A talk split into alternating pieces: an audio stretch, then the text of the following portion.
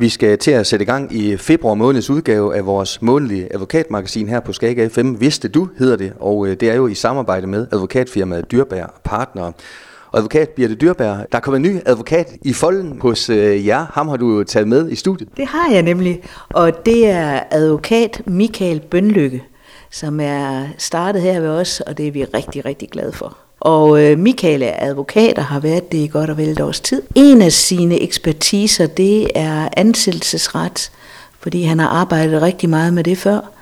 Øh, så det er det, vi vil se lidt på i dag, og vi synes, det er lidt aktuelt, fordi der, vi kan jo se, at der er nogle virksomheder, der lukker.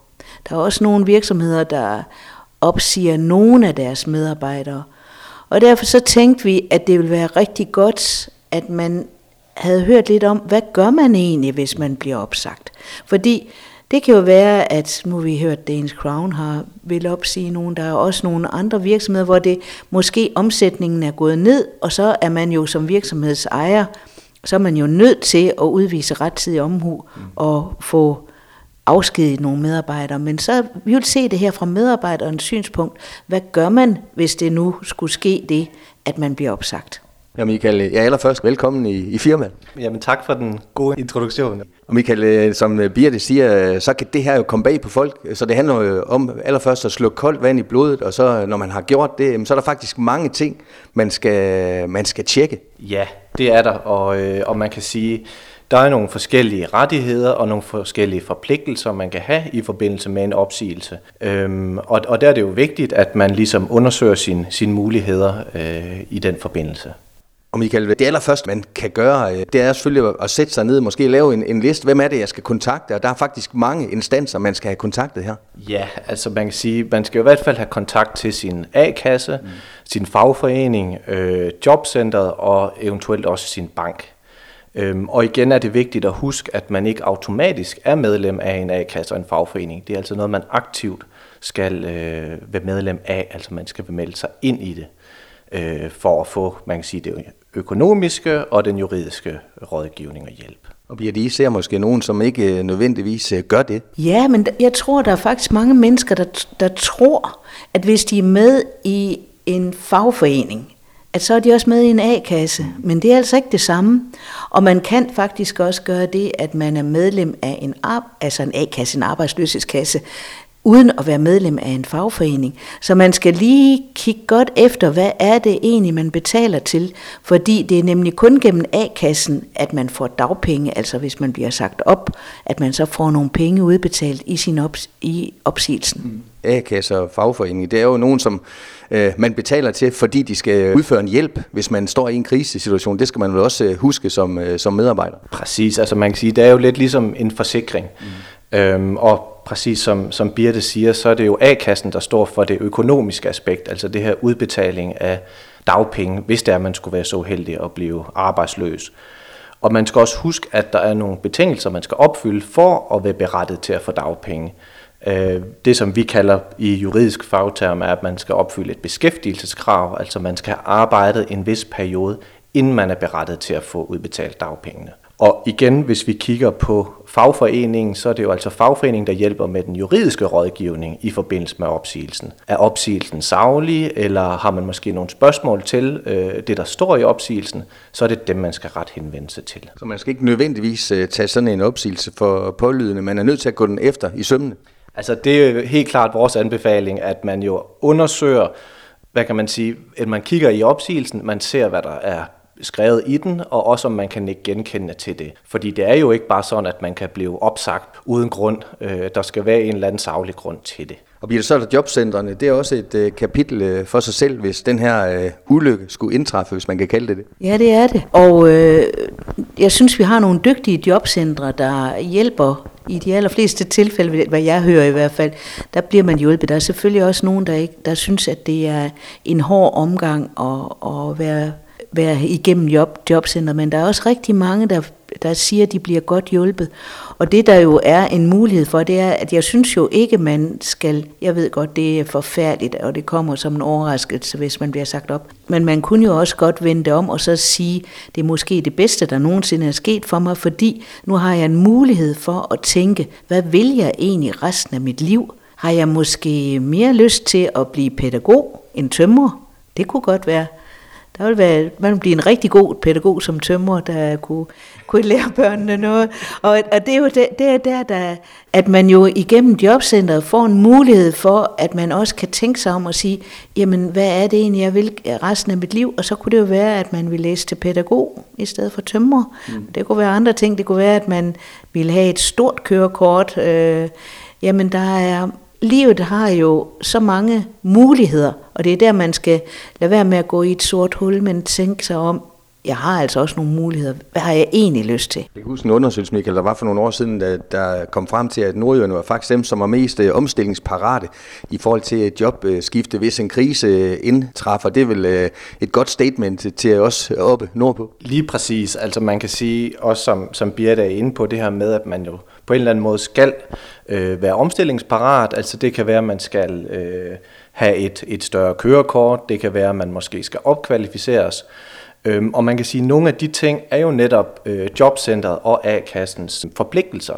Så man kan sige, at de er ligesom sat i værk for, at man kan øh, enten opkvalificere sig, eller man kan komme til måske øh, hurtigere i et job. Øh, man kan sige, det er i hvert fald de ting, som der er vigtige øh, for dem. Øh, så, så det er ikke et spørgsmål om, at, at de er der for at genere folk, men de er der for at hjælpe. Og så er der pengeinstituttet, for sådan en, øh, en ting som en øh, opsigelse kan selvfølgelig også have økonomiske øh, konsekvenser. Der ved jeg, det er jeres råd at, at være lidt upfront i forhold til sin øh, bank, sit pengeinstitut på den her sag. Helt klart. Altså det er vigtigt også at, øh, at kontakte sin bank, fordi man kan sige, i forbindelse med, at man bliver opsagt fra sin stilling, øh, så sker der jo noget økonomisk. Man jo øh, formentlig skal have de her dagpenge i stedet for sin almindelige løn, øh, og på den måde har et mindre rådighedsbeløb, end man er vant til, så man kan man kan måske øh, skære lidt ned på, man kan sige, øh, hvis man har to biler, kan det være, at man måske er nødsaget til at sælge den ene bil. Det kan være, at der er nogle andre ting i husholdningen osv., som man også kan skære på i forbindelse med, at man ikke øh, skal på arbejde. Men hvis man snakker med banken inden, eller i hvert fald så tidligt som muligt, så er de ligesom opmærksom på det, og man kan lægge et, et budget ud fra den økonomiske situation, man så står i. Og der kan vel også være en fordel, bliver der slået koldt vand i blodet her, for mange synes måske, det er, som Michael siger, måske lidt træls at undvære den her bil, eller skære lidt ned på rejser, forbrug, eller hvad det kunne være. Ja, men det er man jo så nødt til. Altså der er man nødt til at være rigtig, rigtig fornuftig, fordi man ved jo også, at det kun er i en periode, man skal det, fordi sandsynligvis så får man jo arbejde igen.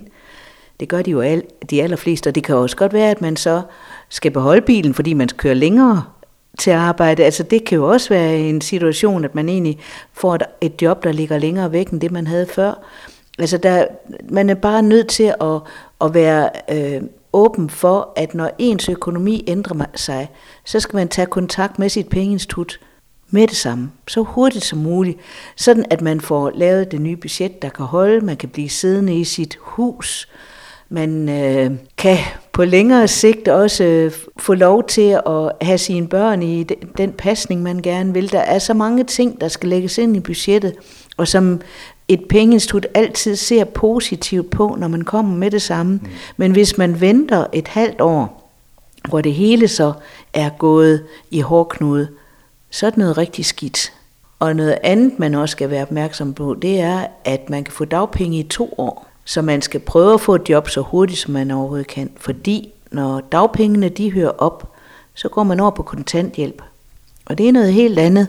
Fordi der har man, hvis man nu er gift, så har ens ægte forsør- ægtefælle forsørgelsespligt over for en. Det vil sige, at man får ingenting i kontanthjælp. Det er ægtefællen, der skal betale.